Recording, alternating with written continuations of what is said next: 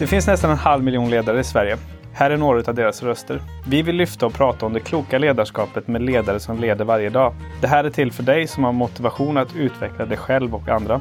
Jag som ställer frågorna, jag heter Samuel Lindén och det är utbildningsföretaget Alliator som står värd för programmet. Idag så sitter jag här med Helene Richmond. Hej! Mm, hej hej! Hur är läget? det är jättebra. Kan du berätta lite vem du är?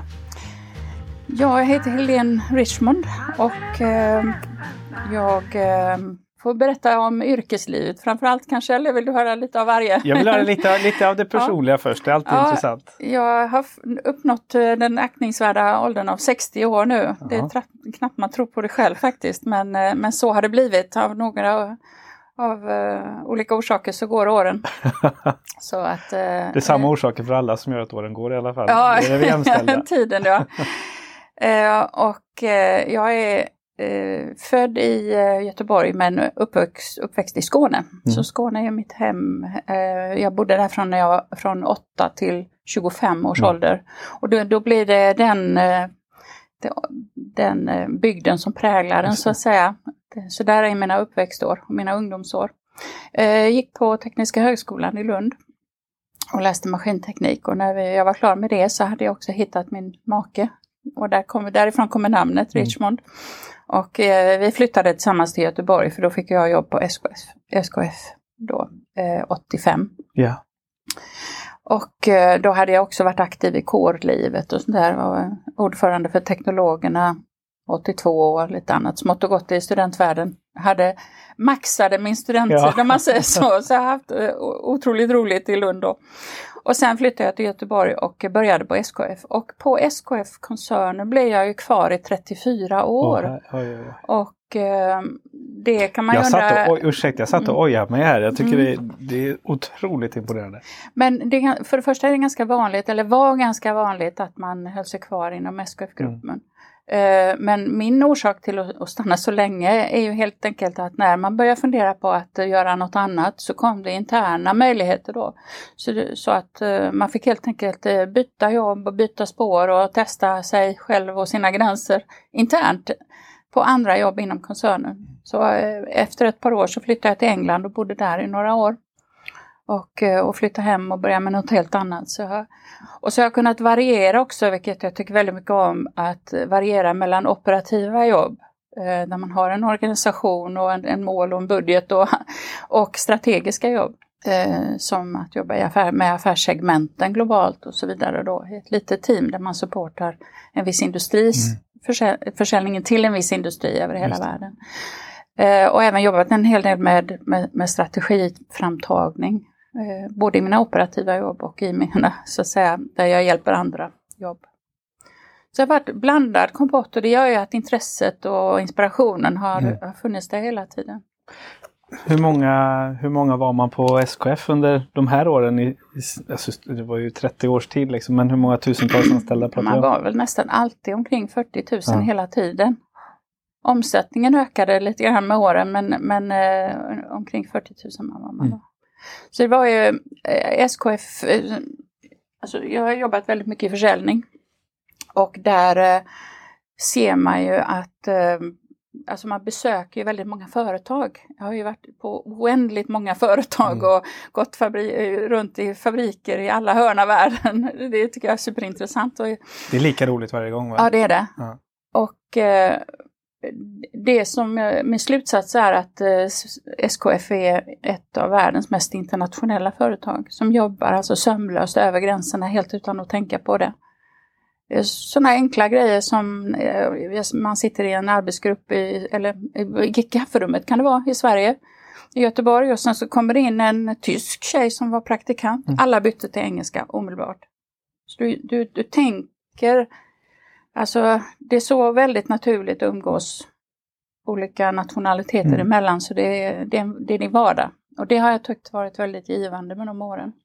Men sen eh, efter 34 år så höll jag på att säga att du fick nog, men det... Nej, det jag hade, ja, på, på, ett sätt eh, så, så var det, det var faktiskt just en period när jag inte hade, alltså, jag har haft vad man kallar dream jobs och between jobs. Mm.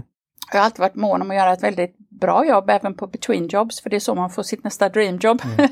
Ja. så att, eh, men då hamnade jag på ett, ett between job då som inte var särskilt...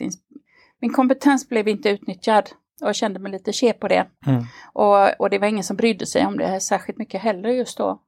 Så jag tänkte att äsch, jag står ut till jag fyller 60 och sen så drar jag och, och gör det, alltså, ja, det spelar ingen roll, jag gör mm. ingenting. Eller min make var redan pensionerad ja. så jag tänkte då hittar vi på något annat ja. kul. Men saken är den att jag har också under årens lopp haft, eh, vid sidan av arbetet, haft styrelseuppdrag i andra bolag. Eh, det började med VBG och sen har det, har, eh, blev jag i mitten på ja, 10-talet nu, 2015, 14-15 någonstans, så blev jag, eh, kom jag med i styrelsen för Nibe Industrier. Mm. Och, eh, det är ju en jättestor koncern det också va? Ja, inte så stor som, eh, som SKF, Nej. men det lustiga är ju tillväxttakten ja. där. För att när jag kom dit då så var det, då hade man nått 12 miljoner och eh, i fjol gjorde man 27. Miljarder? Miljarder ja. förstås, förlåt. ja, det vore väl konstigt annars. ja, det, och och den, den resan har ju bara fortsatt i, mm. liksom exponentiellt, så den är ju väldigt intressant. Och för de som inte vet, de flesta vet nog vad SKF gör, men Nibe jobbar Nibe med? Industri jobbar med, de har tre affärsområden då eh, och den största är, är Nibe Climate Solutions som gör, eh, huvud, huvudnumret är värmepumparna. Ja. Och eh, sen har man också värmeelement, alltså inte radiatorer utan element, sådana som finns i allting från din spis till, eh, till bilbackspeglar.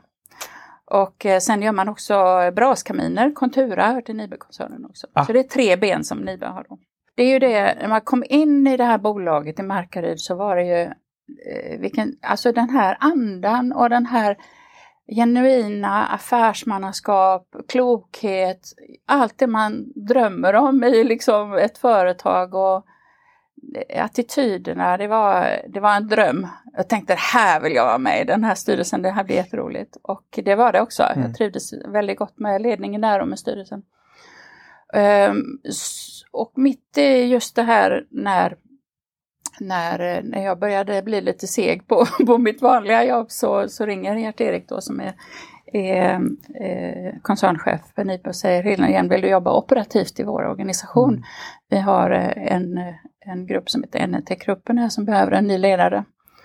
Och eh, jag eh, avvaktade tillräckligt länge för att kunna MBL-förhandla med min man. för det, det, hade inte varit riktigt schysst att liksom så committa sig till ett jobb i Ljungby. Nej precis, en utan, att, utan att säga, hörru du, är det här mm. okej? Okay? Men mm. han, han, har ju alltid varit eh, en stor supporter av, av mina olika ja. karriärutmaningar. Då, så att, så att det, det, tog inte så lång tid innan jag ringde tillbaka och tackade jag då. Så så kom jag då till Nibe-koncernen och till Enetec-gruppen ja. där jag eh, nu är chef för Enetec är ju en, en grupp i gruppen så att säga. Så där är du idag?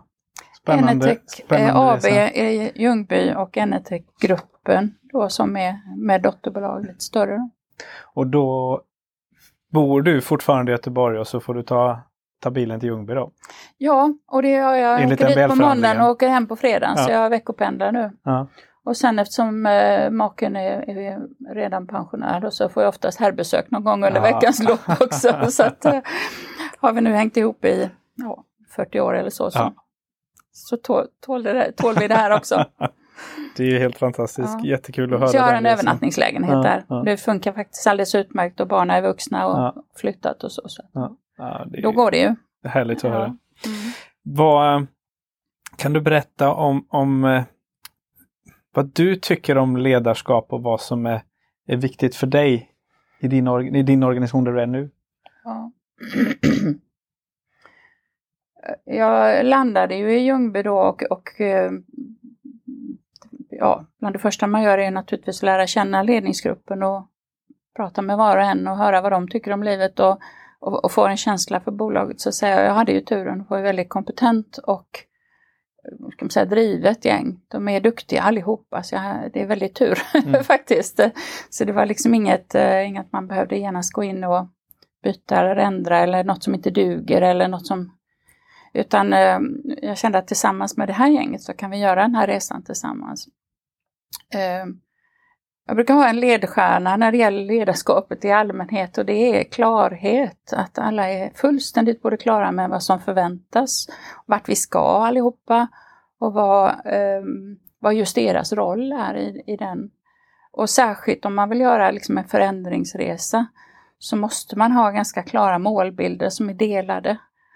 Om man har det på plats, den här liksom klarheten då att eh, det här ska vi göra och det här är min del av det. Då rättar folk in sig själva, då behöver du inte vara med, då behöver du inte, liksom, du behöver inte ens styra duktiga personer, de styr sig själva. Bara de vet vart vi ska. Eh, och då blir det mycket lättare ju. Så att, eh, det, Har du alltid ja. haft en så klar bild eller är det erfarenheten som talar nu? Nu är det erfarenheten som, som, som talar. Jag blev chef ganska tidigt, jag var ju 26-27 år då. Mm.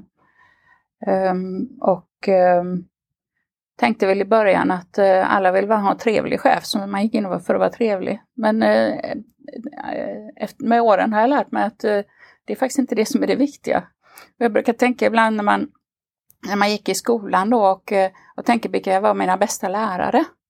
Mm. Då är det de som, där man kände att man lärde sig mest. Och de var inte ens ofta trevliga, utan det var de som, som verkligen såg till att man lärde sig det man skulle och eh, fick en att nå framgång. Och det, det var dit jag ville komma, liksom att eh, en, den ledare man vill ha egentligen är en som hjälper den att bli framgångsrik mm. i det man gör. Eh, sen är det ju en bonus som man också har en, en trevlighet sinsemellan.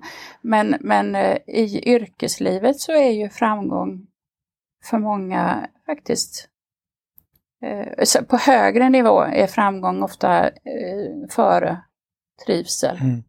På lägre nivå är det annorlunda. Där kan det vara trivsel för där Ja, det är mm. lite olika. Ja, ja. Men om man tittar på en ledningsgrupp så är, det ju, är ju ledningsgruppen ofta väldigt intresserad av att ge företaget, att företaget ska vara framgångsrikt. Mm. Eh, jag tänker på de ledare man har haft också, när man, har tänkt tillbaka så, så är det några som har varit, eh, som inte har varit, eh, ska man säga, särskilt som man inte skulle ha som personlig mm. vän eller ställa sig bredvid i baren. Mm. Mm. Men de har liksom visat vägen hur, hur man tillsammans kan bli framgångsrika. Så den, man får inte underskatta den oerhört väsentliga rollen att det är din plikt som ledare att visa hur man tillsammans kan ja. bli framgångsrika. Och sen kan man ha trevligt dessutom, vilket mm. jag försöker ha då. Ja, då är ju det en bonus naturligtvis. Ja. det är jätteintressant det du säger med, med, med tydlighet. Jag själv relaterat till mitt... Jag hade också förmånen att få bli ledare mm. tidigt. Mm. Um, och just det här i början så tror man att man måste... Jag var trevlig och sen jobba väldigt hårt för det. Mm. Alltså hela tiden bara försöka vara på tå med allting mm. och då är det risken att man plockar åt sig lite för mycket. Mm. Men, eh, och då hämmar man ju sannolikt organisationen. Ja. Snarare än att inspirera den till att ta egna, egna beslut. Så är det. Mm. Vad... Så det som har förbluffat mig är sådana här grejer som man kanske hyllade hos ledare som, som egentligen inte alls behövs. Karisma till exempel. Det är fullständigt oväsentligt. Det är bättre med trygghet liksom. Ja. Har du en person som är trygg i sig ja. själv så är det ja. betydligt behagligare att ha en sån som ledare än, äh, än en med karisma. Mm. Och äh, ja, andra saker som äh, ja, charm. Det är bättre med ett människointresse. Mm. Mm. Och till och, med, till och med humor faktiskt tänkte jag på. Är det bra, bra eller dåligt? Du måste ha självdistans men du behöver inte ha humor. Sen är det klart det är roligt att ha roligt. Mm. Men eh, försöker man hela tiden vara kul så är det lätt att man halkar över i en slags eh, Ja, det är väldigt skojigt att vara cynisk till exempel och överdriva eller vara lite raljerande. Det är gräsligt att mm. ha en mm. chef som är raljerande. Ja. Det, det, det är obehagligt till ja. och med. Eh, då är det bättre att ha, självdistans är bra, ja. det måste man ha. Och ett genuint och intresse av andra att verkligen vara intresserad och hör, höra på vad de säger och mm. deras resa och vad de tycker. Och det är när man blir, eh, också när jag första gången blev chef för andra chefer och blev så att säga ledare för en större organisation så slog det mig då att nu spelar det ju ingen roll hur jag presterar. Nu är det helt oväsentligt min egen dagliga prestation utan nu består mitt jobb bara i att, att få organisationen att flytta och alla andra att prestera. Mm, mm. Och det var också en sån där, man hade ju varit van vid liksom lämna in och göra presentationer och sånt här för grejer man själv hade gjort. Men man får, får lägga det åt sidan, att man, eh, ens egen prestation blev fullständigt underordnad hela, ska man säga, processen, flödet, mm. organisationen som helhet. Det är mycket viktigare. Det är intressant. Det är också en, en insikt som man fått under åren som plötsligt ja. slår en, oj! hur, hur, skapar man den här tydligheten du pratar om som är så viktig då? För att det är ju en sak vad du säger och förmedlar och en an, helt annan sak hur det tolkas och tas emot av den som ska få det budskapet. Mm. Hur säkerställer du att du är rätt där? Ja, när jag kom in i Enetex så hade jag ju den nackdelen då att, eh, att jag inte hade en kunskap om produkter och marknader. Jag, hade, jag hade, kunde ju lite, mm. nästan ingenting om det de gjorde.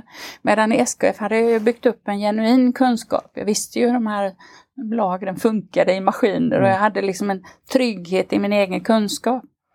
Så situationen är lite olika beroende på vad det är man ska göra tillsammans då men men vad jag försökt med på Enetech var att, att eh, helt enkelt sätt, eh, göra en gedigen ny strategi som är helt i linje med det som de redan var igång med. Men man dokumenterar det, man säkerställer att det är väl eh, grundade beslut man gör och dokumenterar så att man får en, en karta som man följer tillsammans. För vad, vad jag också märkte är att eh, organisationen var så van vid att inte få göra saker så att det satt liksom i ryggmärgen. Men har man då en strategi som visar att de här stegen ska vi ta och vi måste ta de här stegen för att komma dit vi vill. Marknaden ger oss möjligheter att komma mm. dit. Visst, vi kan ju inte vara så dumma så vi inte tar den möjligheten. Nej. Och då måste vi göra de här grejerna och det innebär en, en, en del ganska rejäla investeringar till exempel som vi måste ta ett djupt andetag och faktiskt mm. göra. Fast vi inte har gjort det på jättelänge. Nej. Och det liksom vågar inte riktigt. Men har man kartan som man har ja. gjort tillsammans och i den här eh, strategiprocessen så fick ju jag lära mig allt också. Så det var ett jättesnabb, snabbt sätt för mig att lära mig mycket om marknader och, om, och få, få till mig väldigt mycket kunskap. Um, sen så blev det ändå så, det, det faktiskt var frapperande då att uh, vi hade ju bestämt oss då för att växa i enlighet med det och att vi då behövde bemanna upp vissa funktioner också. Och eh, avdelning efter avdelning sa då att jo, men jag kan nog vänta med den rekryteringen, det vi klarar oss nog ett tag till och så vidare. Till sist så, så sa jag, men för att ta ett Göte Göteborgsuttryck, är du god eller? vi måste göra det här. Ja. Vi måste rekrytera idag 10-12 personer och nästa halvår ja. lika många till. För annars klarar vi ju Nej. inte det vi har åtagit oss att göra. Så att eh, ibland får man då liksom säga hallå, vakna! Vi måste ju, vi, vi måste göra det också. Ja. Jag hatar att ha planer som man inte följer mm. eller saker som man har bestämt sig för att göra som inte händer. Det måste hända på riktigt. Och så göra detta i lilla Ljungby där man är lite, kanske lite små, sparsam också. Ja, mm. men de lyckas ju i Markaryd. Ja, det är bara ja. fem mil. För mig känns det så som att har man, jag har nästan fördelen av att ha ett facit. Ja. För de har ju verkligen lyckats med den här tillväxtresan. Medan CTC som var större än dem för ja, några decennier sedan. Eh, CTC har stått och stampat mm. på samma storlek. Medan Markaryd har bara, stuckit. Niva har bara stuckit. Ja. Det finns ingen skillnad. Det mm. finns bara år efter år efter år av kloka, modiga beslut ja. jämfört mm. med år efter år efter år av lite mindre kloka och modiga ja. beslut. Det är bara det som skiljer. Så man måste investera. Om, om jag ställer frågan till dig så här då, hur, hur gör man för att investera i sitt ledarskap då? Svaret du... behöver inte vara att man köper kurser hos Aliator. ja, nu råkar jag ha gjort det. För ja, eh, menar du jag mitt eller menar du jag ut, på att utveckla min organisation? I din organisation tänker jag främst. Alltså jag, jag är en varm anhängare och jag tror på det här med det goda ledarskapet och så vidare. Så att, eh, eh, jag hade ju turen också att, när jag, att alla de var reflekterande, lyssnande, goda chefer, fast väldigt olika sinsemellan. Eh, och också, man får ju ha ett visst mod. Det mm. hör ju till chefsrollen också att, att eh, när det inte funkar så, ska, så måste man in och se till att det på något vis kommer att funka. Att inte ta tag i saker kan ju vara väldigt skadligt. Mm. Eh, Men de hade det i sig allihopa. Så jag, jag kände att, eh, och samtliga utom den, utom den här personen som nu är, är, är här på, på kurs då, eller på ut, utvecklingsresa, så hade, så hade de alla varit på den här typen av ledarskapsutbildningar mm. som, var, som gör att man reflekterar och tänker efter och eh, funderar på hur man själv hjälper andra att växa och, och så. Sen så var det ju en del eh, saker som, som jag tyckte kunde förbättras. Man hade till exempel utvecklingssamtal men det var väldigt dålig på, på att ge feedback till mm. personen. Feedback fick man i lönesamtalet bara och det blir, så, det blir inte bra. Du måste Nej. ha feedback på din förmåga och dina prestationer ändå. Oavsett om det är lönetid ja. eller inte. Så att, eh, vill att eh, man får tweaka lite sådana grejer och så. Så vad var frågan från början? Hur, ser hur man investerar, hur man investerar i ledarskap? Ja, investera vet jag inte. Man får se till att det finns. Mm. Det goda ledarskapet mm. finns. För då har man ju mycket större förutsättningar både att lyckas med dem men, men också att dra till sig kompetenta personer mm. och behålla personer med talang och förmågor som man vill ha kvar. Mm. Vi pratar väldigt mycket nu om också att bli ett företag där man vill vara och, och, så, och där, där folk vill komma. Mm. Så vi försöker bli den typen av företag som är det är ju, vi som är där vet ju att det är både spännande och intressant och roligt men eh, folk kanske inte vet det. Jag kan, kan säga efter den här lilla pratstunden mm. så blir jag själv extremt in, inspirerad. Det verkar vara för det första ett klokt ledarskap. Mm. Eh, jag gillar det du säger och hur du uttrycker dig kring mm. det. Att man investerar också i verksamheten. Att man mm. blir lite tuff när du sätter målen. Att nu måste vi, nu måste vi göra detta ja. liksom, för att nå de här resultaten. Mm. Och att få verka i en sån miljö låter ju oerhört inspirerande. Ja.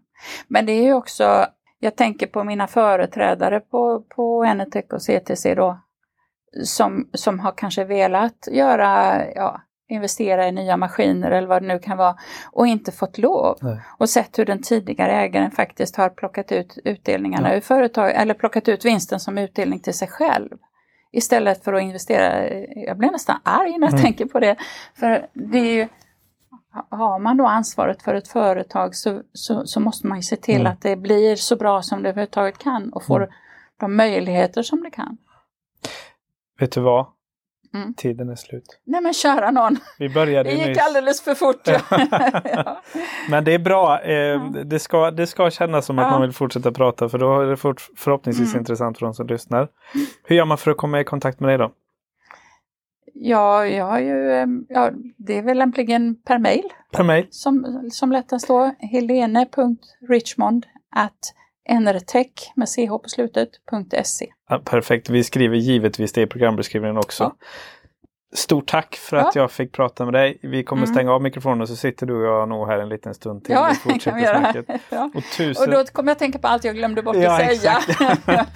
tusen tack till dig som har lyssnat på det här avsnittet. Ehm, kloka ledare drivs av Alliator som har som syfte att utveckla ledarskap hos människor och organisationer. Och är du nyfiken på att höra mer om det så kan du kika på alliator.se. Återigen stort tack för att du har lyssnat och på återhörande.